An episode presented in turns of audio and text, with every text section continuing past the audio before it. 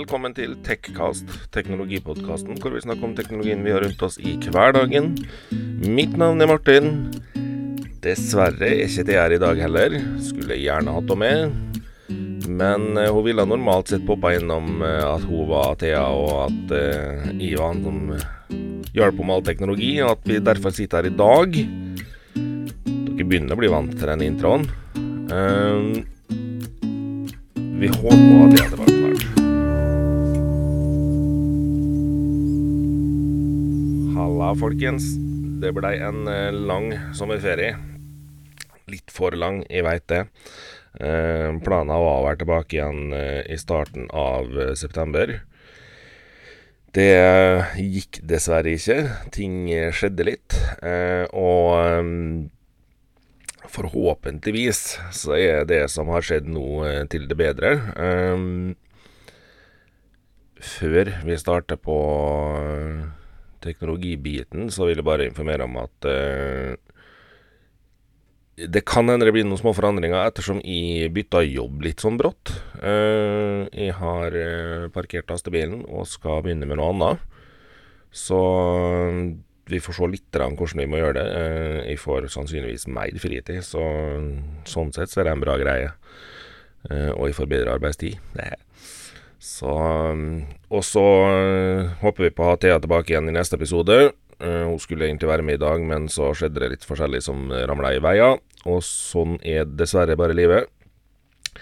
Vi skal fyre i gang med den største nyheten siden vi tok ferie. Vi har uh, ikke tenkt å ta alt som har skjedd i løpet av ferien, men uh, det er en del ting som vi må ta med. Og alle regner vel, eller veit vel og skjønner vel, at eh, lanseringa av iPhone 13 må nevnes. den kommer jo selvfølgelig i et hav av utgaver i år òg. Faktisk flere utgaver i år enn tidligere. Den kom i iPhone Mini, iPhone 13, altså iPhone 13 Mini, iPhone 13, iPhone 13 Pro iPhone 13 Pro Max. Eh, forskjellen fra tidligere år er at Pro og Pro Max har all, begge to eh, en 1 terabyte-versjon i tillegg til Eller over 512. Eh, skal vi se her, da. Det er jo eh, selvfølgelig en god del nytt. Uh, utvendig så ser den ekstremt lik ut. Uh, kommer i nye, fine farger. Og uh, de to første versjonene, altså iPhone 13 Mini og iPhone 13, der er det ikke de helt ekstreme forskjellene. De har fått ny prosessor den gangen her òg, selvfølgelig, og den biten hjelper jo på. Men de store forskjellene kommer jo når du er oppe på de litt større versjonene. Kameraet er selvfølgelig blitt oppgradert på hele linja, og de har tatt med litt nye kamerafunksjoner og sånne ting. Uh, det viktigste for folk flest her er jo at uh, de har fått bedre batteritid. Uh, Mini vil få nesten Eller inntil 1 12 time lengre batteritid. Vanlig iPhone er det 2,5 time lengre batteritid. Og de to største utgavene de vil vel være omtrent like, fordi de har jo mer som sluker strøm også. Eh, de har jo kommet Altså, det, sånn i det store og det hele så er det ekstremt likt det det har vært før. Eh, og det er selvfølgelig ikke noen nyhet at Apple uh, er god på å markedsføre at sjøl om ting er likt, så er det nytt. Uh, Pro-telefonene, de to største her, har da fått 120 Hz skjerm. Men det er 120 Hz-skjerm eh, med en liten eh, vri, selvfølgelig. Um, den skjermen vil være 120 Hz kun når du trenger det. Uh, den vil gå helt ned i 30 Hz når du ikke trenger det. Og så framt det fungerer godt, så er jo ikke det noe stress. Uh, problematikken her er jo hvis uh, det begynner å kødde og den ikke slår seg opp. Det har jo skjedd på telefoner før, det, så vi får se. det blir spennende å følge med det der. Uh, Pro-kameraet har selvfølgelig blitt nytt, fordi der har de jo bestandig satsa mest på fotokamera.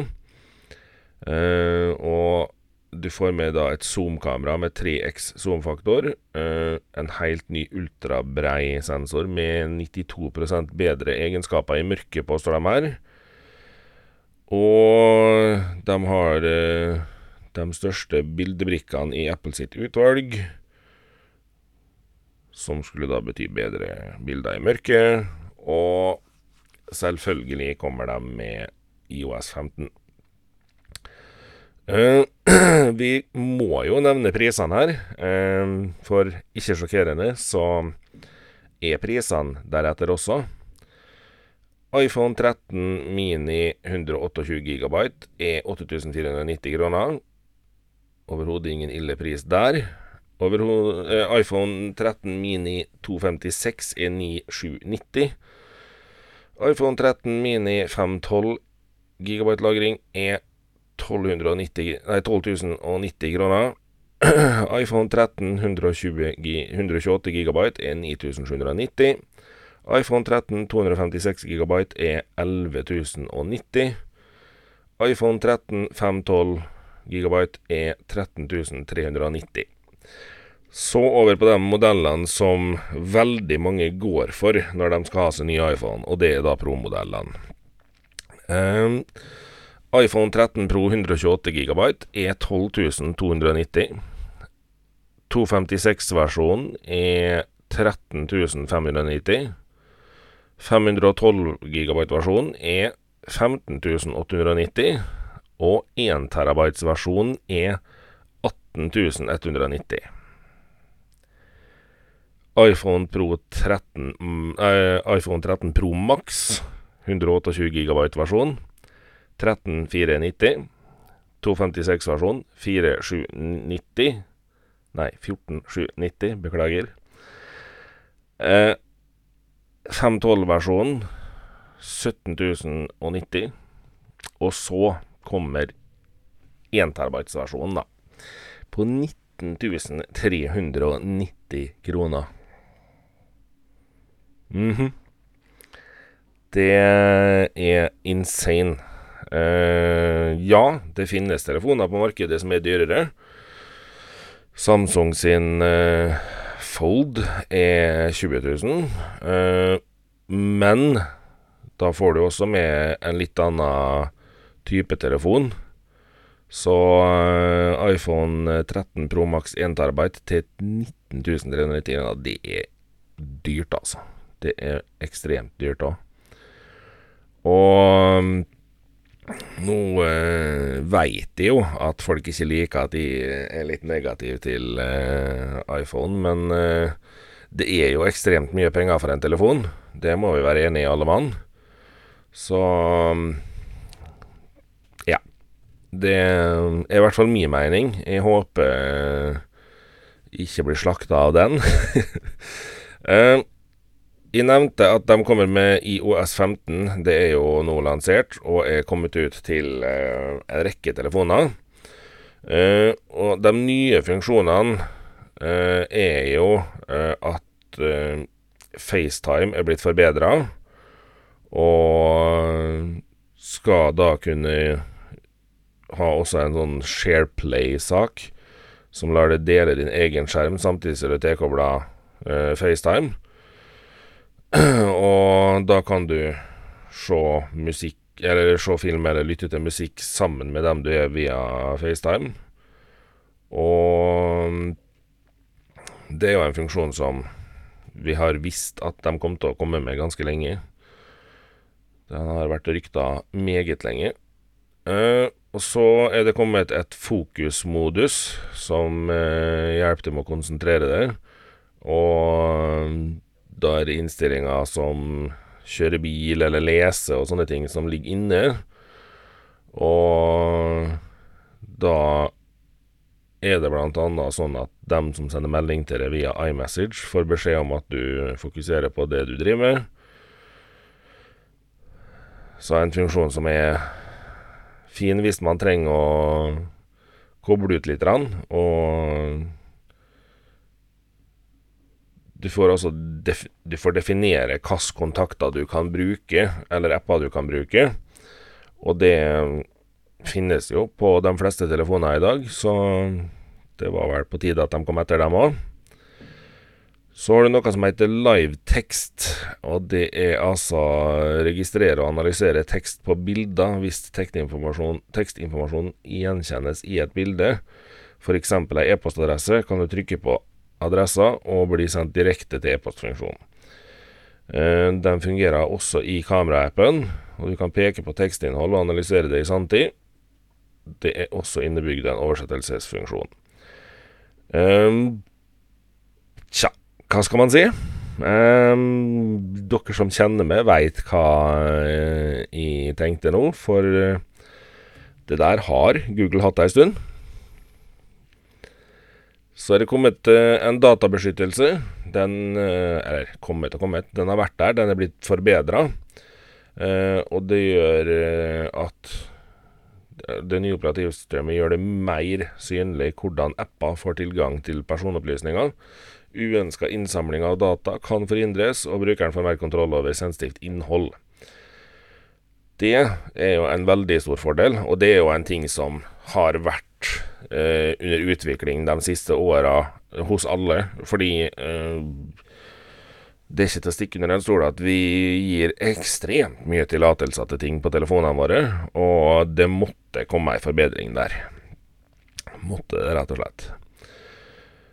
Uh, så det kommet noe som heter visual lookup, og det er noe à la livetekstfunksjonen som eh, analyserer bildeinnhold ved hjelp av AI. Eh, nyhetsfunksjonen har fått ei lita endring. Del med meg, så kan du se innhold, f.eks. bilder på nettsida, Safari eller Apple Music. Andre nyvinninger som uh, splitter nye memojis og et fornya fotodisplay. Støtter kollasjer. Og ja, jeg vet ikke. Det er vel ikke all verden. Eh, så er det jo også da eh, kart. Apples Google Maps-utfordrer kommer også med nye funksjoner. Du kan se flere gatedetaljer, og informasjon om trafikkstatus er oppdatert. Hvis du har iPhone med A12 Bionic, kan du se fram til augmented reality-genererte veibeskrivelser. Ja, nok en gang ting som har vært gjort før iCloud pluss. Og med iCloud pluss blir tidligere lagringsplaner erstatta. Den nye iCloud-modellen tilbyr funksjoner som i iCloud Private Relay og utvida støtte for HomeKit Secure Video. Eh, skjult e-postadresse er dukka opp i iCloud pluss her nå, altså. Så, og den oppretter automatisk ei tilfeldig generert eh, e-postadresse til det, som videresendes til din innboks. Da slipper du å vise din egen e-postadresse. Det kan jo være en fordel. Eh, foto har fått et retoperspektivt grensesnitt, som også er knytta til Apple Music. Og så er det selvfølgelig flere nye helsefunksjoner. Eh, på fotobiten så er vel det flest folk snakker om, er nok at eh, du har flytende fokus. Det vil si at du kan ta et bilde, og så kan du endre fokus på bildet etterpå. Det er en snedig funksjon, det. Og nok en funksjon som jeg tror veldig mange kommer til å sette pris på. Uh, I lanseringskaoset rundt uh, Eller kaos og kaos. Uh, lanseringspraten rundt iPhone 13 så dukka det jo nok en gang opp at EU håper på å tvinge Apple til å ta i bruk USBC på iPhone. For det, den kom jo også med lightning-plugg. Nå var det veldig mange som regna med at det her kom til å bli den første iPhone uten lightning-plugg, men eh, de regna også med at det kom ikke til å være hull til en ledning der i det store og det hele. Fordi det lå veldig an til, eh, ryktemessig, at uh, iPhone kunne komme med bare MagSafe-ladning. Og det Tja.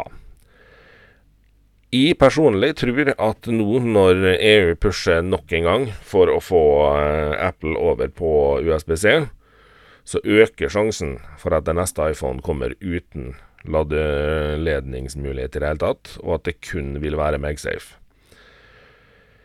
Uh, problemet med det vil jo være at uh, du vil jo da uansett måtte kjøpe en MagSafe-lader, eller bruke den du har. Og det vil dermed ikke bli sånn som EU vil, at det skal være én ladestandard. Om MagSafe kan gjøres om sånn at du kan plugge en USB-C i MagSafe, skal vi kalle det pucken, den som du setter bakpå telefonen, mm, tviler. For uh, da er jeg vel redd for at folk flest ikke tar av den pucken og bare går med den, og kan miste den. Det det hadde vært fint med en ladestandard. Nå er det så mye annet som er gått over til USB-C, og Apple sjøl bruker USB-C på iPadene sine, så um, det er vel kanskje på tide å gi etter og slutte å bruke Lightning-pluggen nå. Nå har de eh, veldig få grunner igjen, spør du meg. Det um, det tror jeg i grunnen var det vi hadde om iPhone for denne gang. Uh, blir mye iPhone, altså. Uh, ja.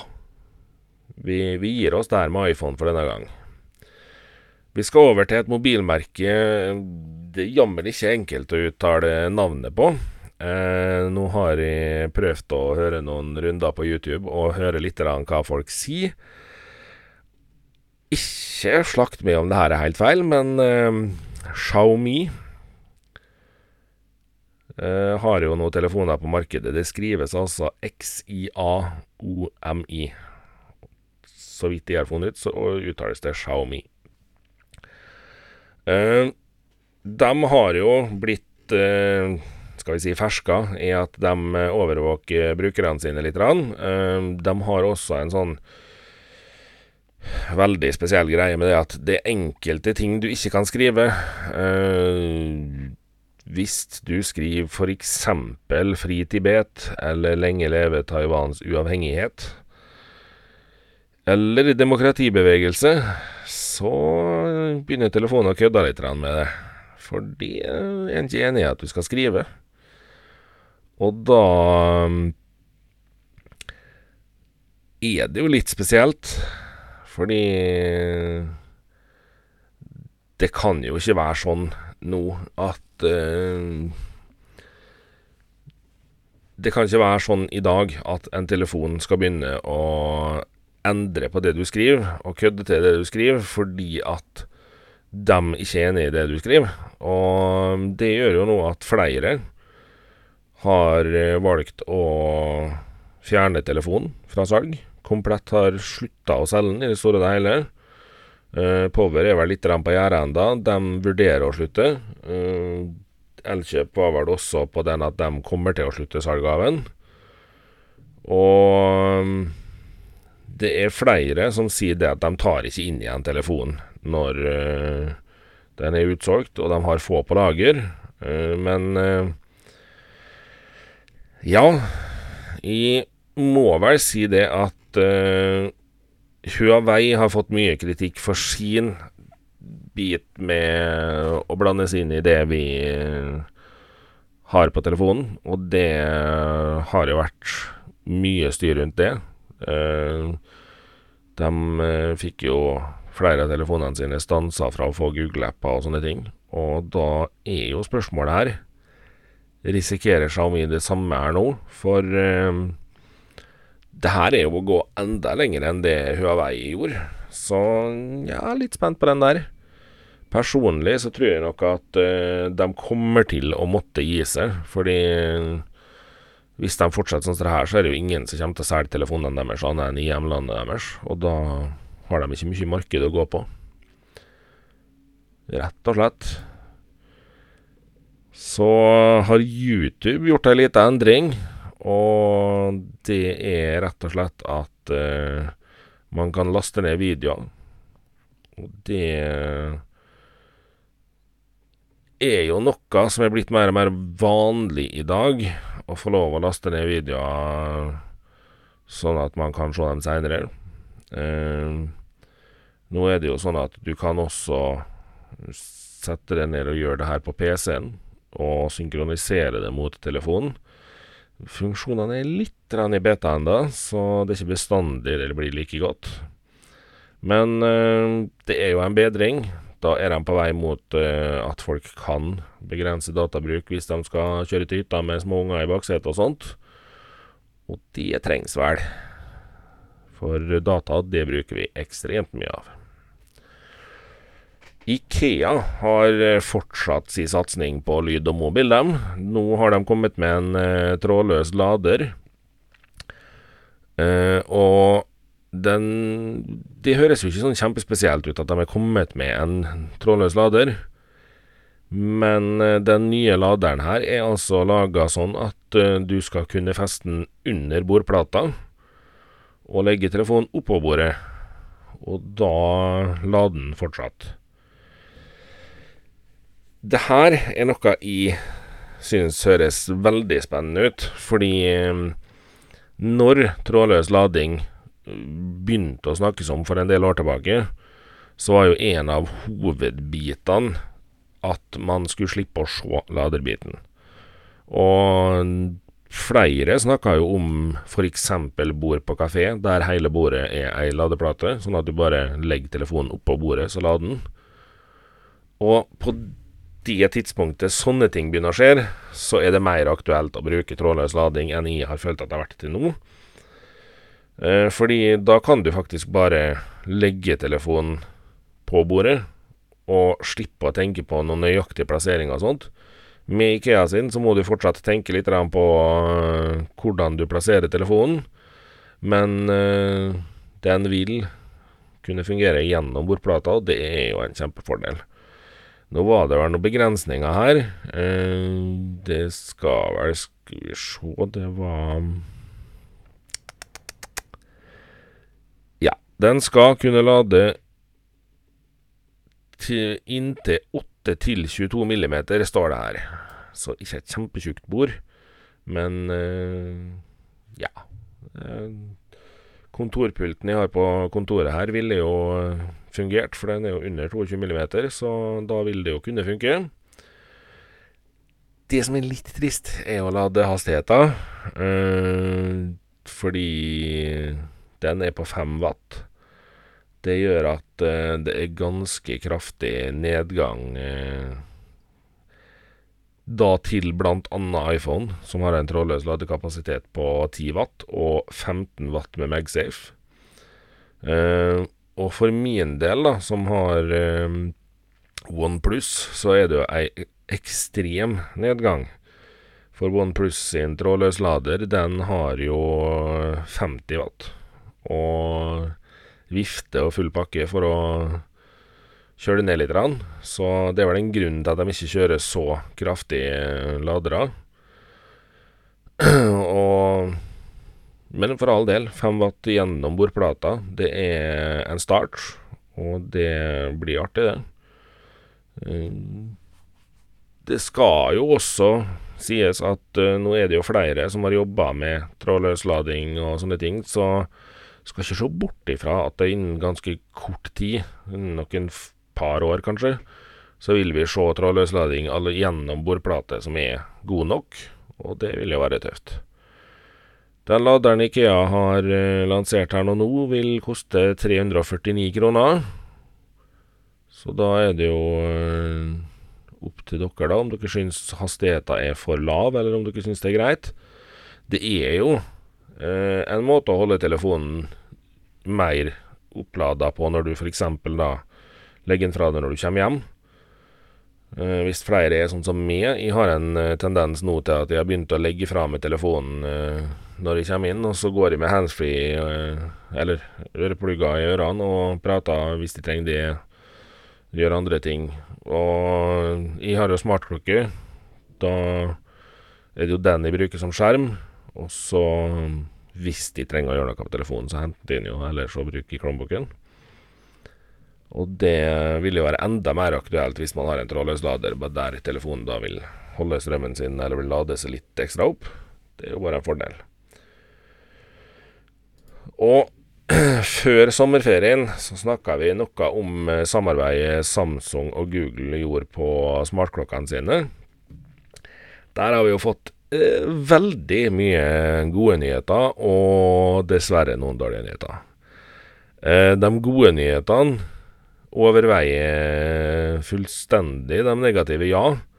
Men det er veldig synd med de negative. Eh, vi kan starte med de negative, siden det er veldig få. Eh, den største negative nyheten er jo at eh, den nye uh, Android Wear-opplevelsen, som er et samarbeid mellom da Samsung sitt Tyson og Google sitt Android Wear, vil dessverre ikke bli tilgjengelig på klokkene som er på markedet i dag. Det vil si det finnes noen få klokker som kan få det, men uh, det er veldig få. Det var jo et stort håp jeg hadde om at uh, det skulle bli tilgjengelig på alle telefoner, sånn at, nei, på alle klokker, sånn at uh, vi som har gamle klokker, kunne oppdatere dem. Og i hvert fall få en følelse av det nye systemet. Fordi ja, det ville ikke blitt en fullverdig opplevelse, men det ville nok sikkert ha vært en opplevelse som gjorde at det var mer aktuelt å gå og kjøpe en ny klokke, eventuelt. Uh, jeg forstår jo hvorfor de har valgt å ikke gjøre det. Fordi de sier jo rett ut at opplevelsen ble for dårlig. Og det var de redd for at skulle skade ryktet. Og det, det er for all del en helt fair måte å si det på. Så det er jo den mest negative nyheten. Så er det da sånn at uh, det er eller det kan se ut som det er en plan, eh, eller en avtale mellom Samsung og Google her, på at Samsung får lansere de første klokkene med det her. For det er bare Samsung som har kommet med det nye Wear OS enda. Og det er et par aktører som har lansert klokker som vil kunne oppdateres til det nye, men ikke på det her tidspunktet. Det er jo litt synd, fordi det gjør jo at eh, da må du enten gå for ei Samsung-klokke nå, eller så må du vente ei stund. Men jeg forstår jo hvis den avtalen er laga, fordi det er jo tross alt Samsung, Samsung som er med å lagre her, så de burde jo få en liten fordel ut av det sånn sett. Eh, det positive her da, er jo at det nye Wear OS-systemet ser fantastisk greit ut. Det er veldig tydelige forbedringer. Og den største forskjellen er vel hvis du har hatt ei Samsung Tyson-klokke og går over til den her. Uh, vi som har hatt Android Wear fra før, vi vil jo føle oss relativt kjent med det. Men det er store forbedringer. Det, det skal sies, altså. Det uh, Samsung har jo ikke vært beskjeden på mengde klokker de har sluppet med det her eh, systemet på. Uh, de har jo blant annet sluppet ei klokke som heter Jøss, nå står det stille her.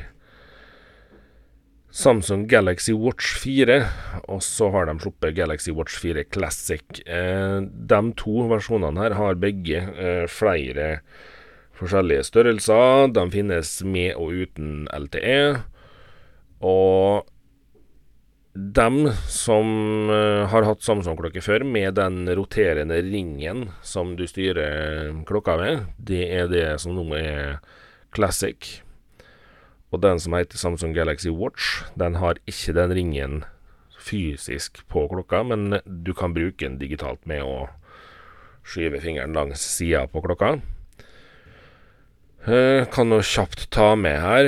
Uh, Galaxy Watch 4 den uh, har blitt testa, og de setter fordelene som lyssterk og god OLED-skjerm, har støtte for alltid på-skjerm, direkte støtte for Spotify på klokka, og pause treningsøkta automatisk og presist.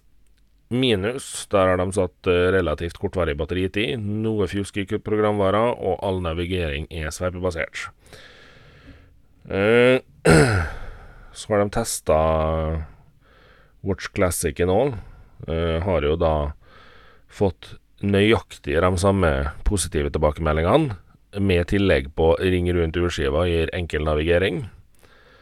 Og på negativsida så har de fått relativt kortvarig batteritid og noe fjuske programvarer. Noe fjuske programvarer vil jo bli borte, fordi Eller i hovedsak bli borte, fordi det er ei ny klokke, så de vil forandre på ting der. Men det som er spenstig her, er det at de har altså et hav av modeller. Det er helt vilt hvor mye modeller de har kommet med på disse klokkene her nå. Eh, vanlig eh, watch finnes fra 40 til 44 millimeter. Eh, 40, 42 og 44. Og så har du altså Classicen, som finnes i 42, 44 og 46 millimeter. Og begge klokkene finnes i LTE og ikke-LTE-utgave i alle størrelser. Et hav og et kaos uten like. Men for all del, eh, de er ekstremt likt bygd. Eh, alle har 1,2 eh, toms skjerm fram til de er blitt 44 mm eller større. Da har de 1,4 toms skjerm. De har eh, på 1,2 toms skjermen så har de 396 ganger 396 oppløsning. På 1,4 toms skjermen så har de 5, nei, 450 ganger 450. Batteriet er jo der det er litt morsommere. Eh, 40 mm og 42 mm vil ha 247 mAh batteri. Og de andre, de største klokkene, vil ha 361 mAh batteri. Og det er jo Det høres ekstremt lite ut, men uh, begge klokkene gjør gode tester på det. Det er sånn på smartklokka at uh, ofte så er det lurt å lade dem hver dag. Uh, jeg personlig er en sånn fyr som ikke sover med klokke, så jeg lader jo klokka mi om natta. Uh, lagringsplass, der har begge, eller alle modellene har 16 gigabyte. Og det er mye mer enn det var før. Da var det vel én eller to. Så det er jo det er jo absolutt en forbedring. Det vil jo si at du kan lagre mye mer musikk f.eks. på fra Spotify og sånne ting. Uh, og det er jo der de liksom fokuserer litt, da, fordi det er jo det at du kan plugge på deg headset til klokka og stikke av uten telefonen, er jo det de i hovedsak vil fram til her. Uh, jeg kan ta et kjapt eh, prissøk. Det skulle jeg jo kanskje ha gjort før jeg starta, men for all del, dere tåler litt venting. Eh, for prismessig så er jo det her eh, klokka som eh, varierer veldig. Eh, og det Skal vi se her. Hvis vi starter med Watch 4, den 40 mm-varianten der i LTE er 3290.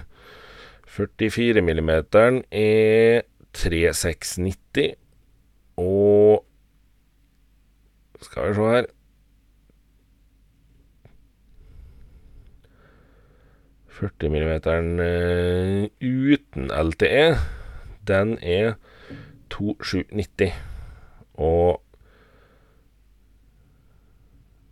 Så er det jo over på Classicen, da, som er um, Ei sabla kaotisk liste jeg fikk opp her nå. Uh, Classic-varianten den er litt dyrere, ettersom den har uh, den uh, navigasjonsringen og en enda større utgave.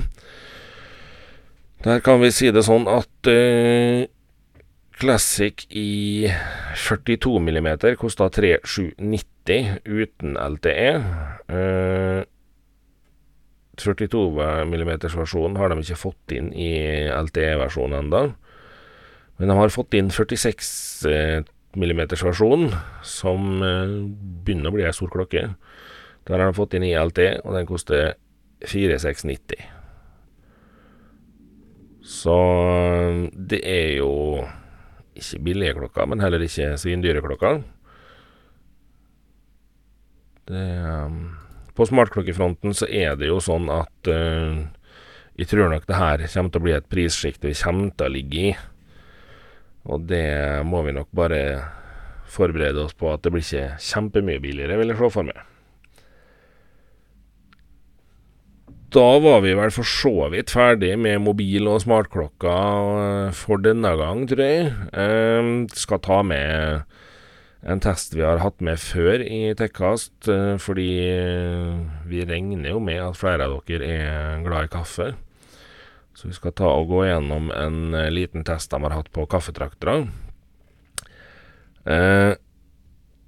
Det er jo sånn at på kaffetrakterfronten så har det vært en ganske sikker vinner i ganske mange år. Og det er jo litt spesielt eh, å se nå i år at eh, i hvert fall på Tech sin test så har de ikke tatt med eh, den normale vinneren på topp i det hele tatt eh, denne gangen her.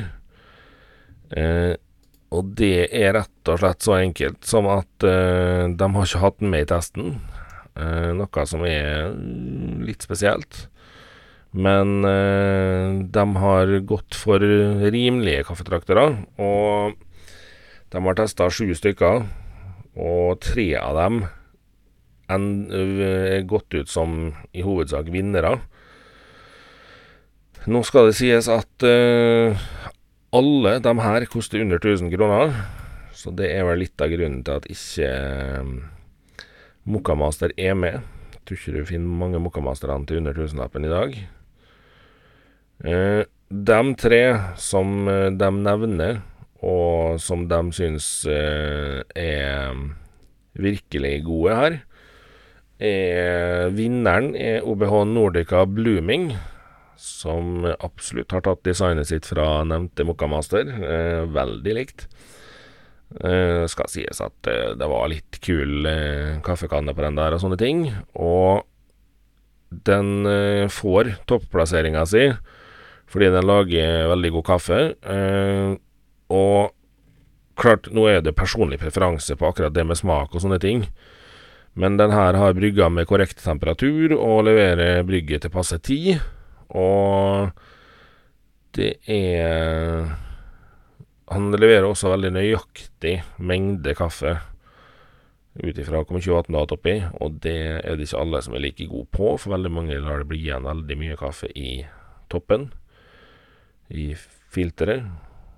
Så Men det var altså Blooming der, ja, som eh, vant. Og så har de eh, satt eh, Kan da nevne at Bloomingen ligger til 950 kroner.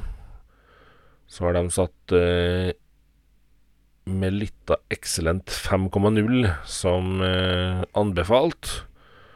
Og den koster 700 og 99 kroner. Finnes visstnok til 700 kroner en plass.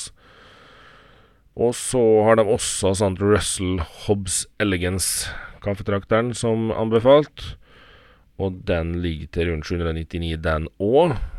Og en de da nevner, er Point POCM501. Den eh, er akkurat utom pallplass, og det er Powerkjeden sin egen kaffetrakter her. Men uh, den er også blitt godkjent og bra. Uh, den gjør det litt annerledes, fordi den her den koker vannet i vanntanken, og så uh, renner det ned i kaffen og filterholderen like under. Og det gir en bra kontroll på temperatur på vannet. Og er jo en litt annen måte enn de andre som koker opp underveis i ferden her. Så det, den har fått skryt for at den støyer veldig lite. Og så er det dessverre ingen pris på den. Og så er også Bosch Styline skåra opp mot uh, godkjent her nå. Det er en trakter til rundt 700 kroner. Veldig rike priser, det skal vi jo uh, si. Og fellestrekket her var jo at de er under 1000 kroner, og det um, er vel kanskje en fordel for mange.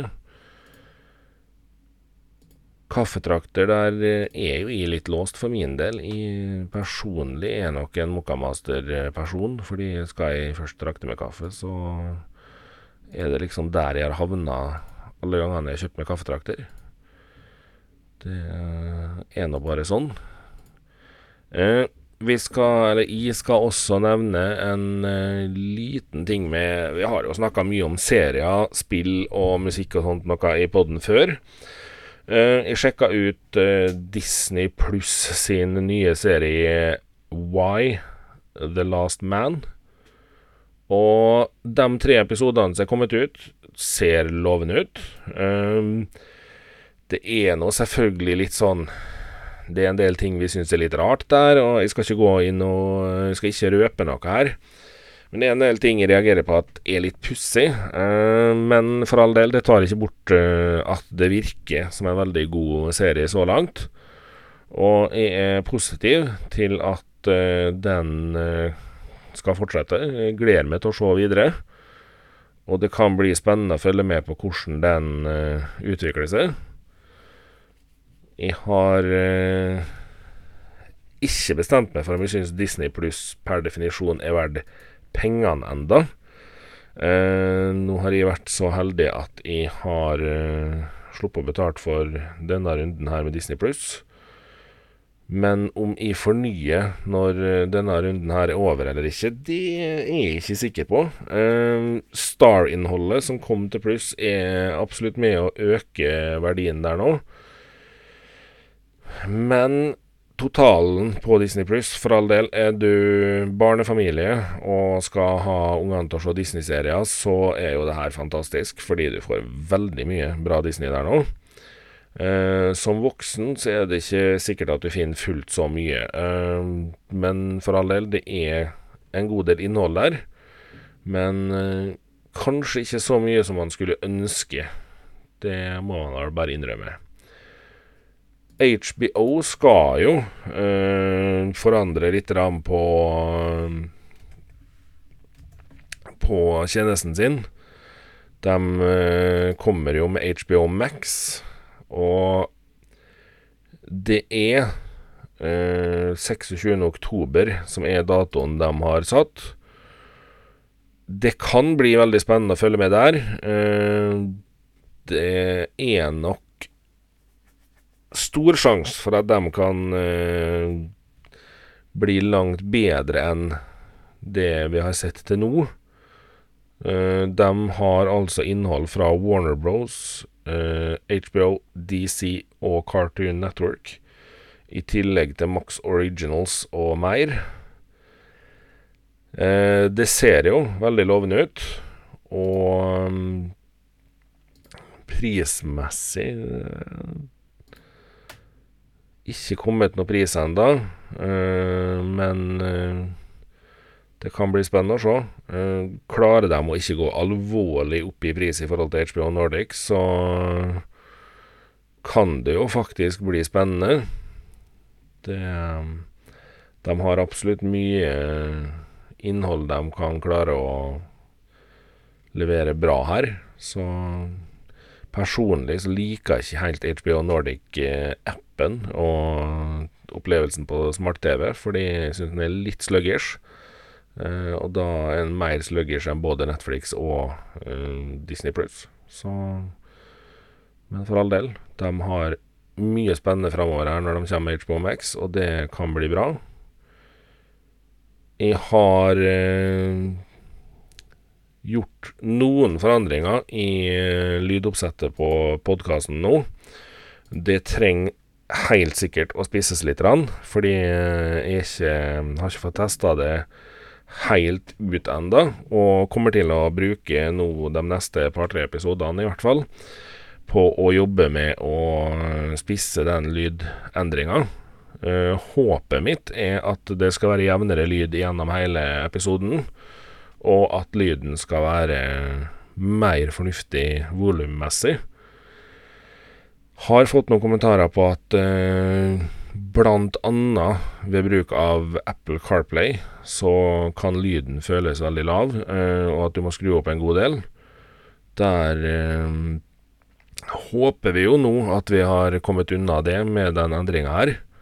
Og det blir spennende å følge med litt framover. Eh, så kom gjerne med tilbakemelding på e-posten eller på Facebook-sida vår med hva dere syns. Og jeg skal som sagt følge med de neste episodene og se litt hvordan de virker. Teste litt sjøl òg, så det kan bli Eller det skal bli bedre, og det kan bli spennende å følge med.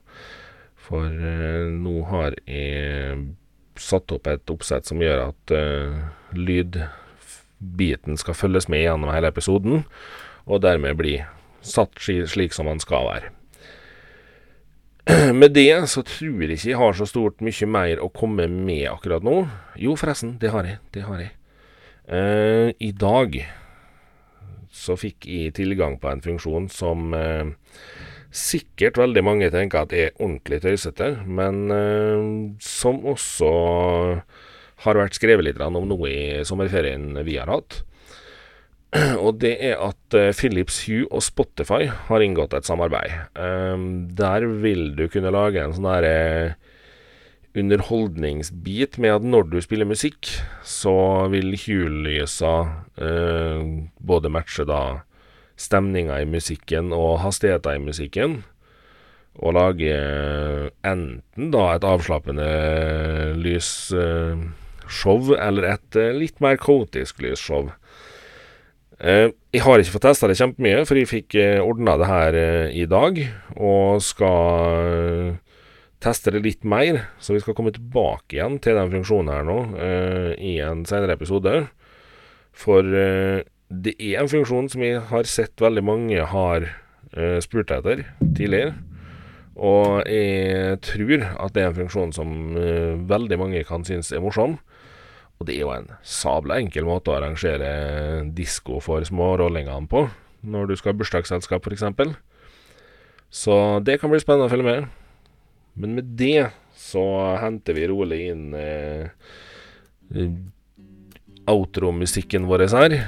Og vi nevner nok en gang at uh, låta her er laga av Nikki Insanity. Mastra og produsert av uh, Henry Haugen i Underdog Productions.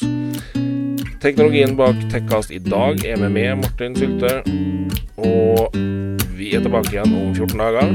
Da med Thea, forhåpentligvis. Takk for nå. Ha det bra.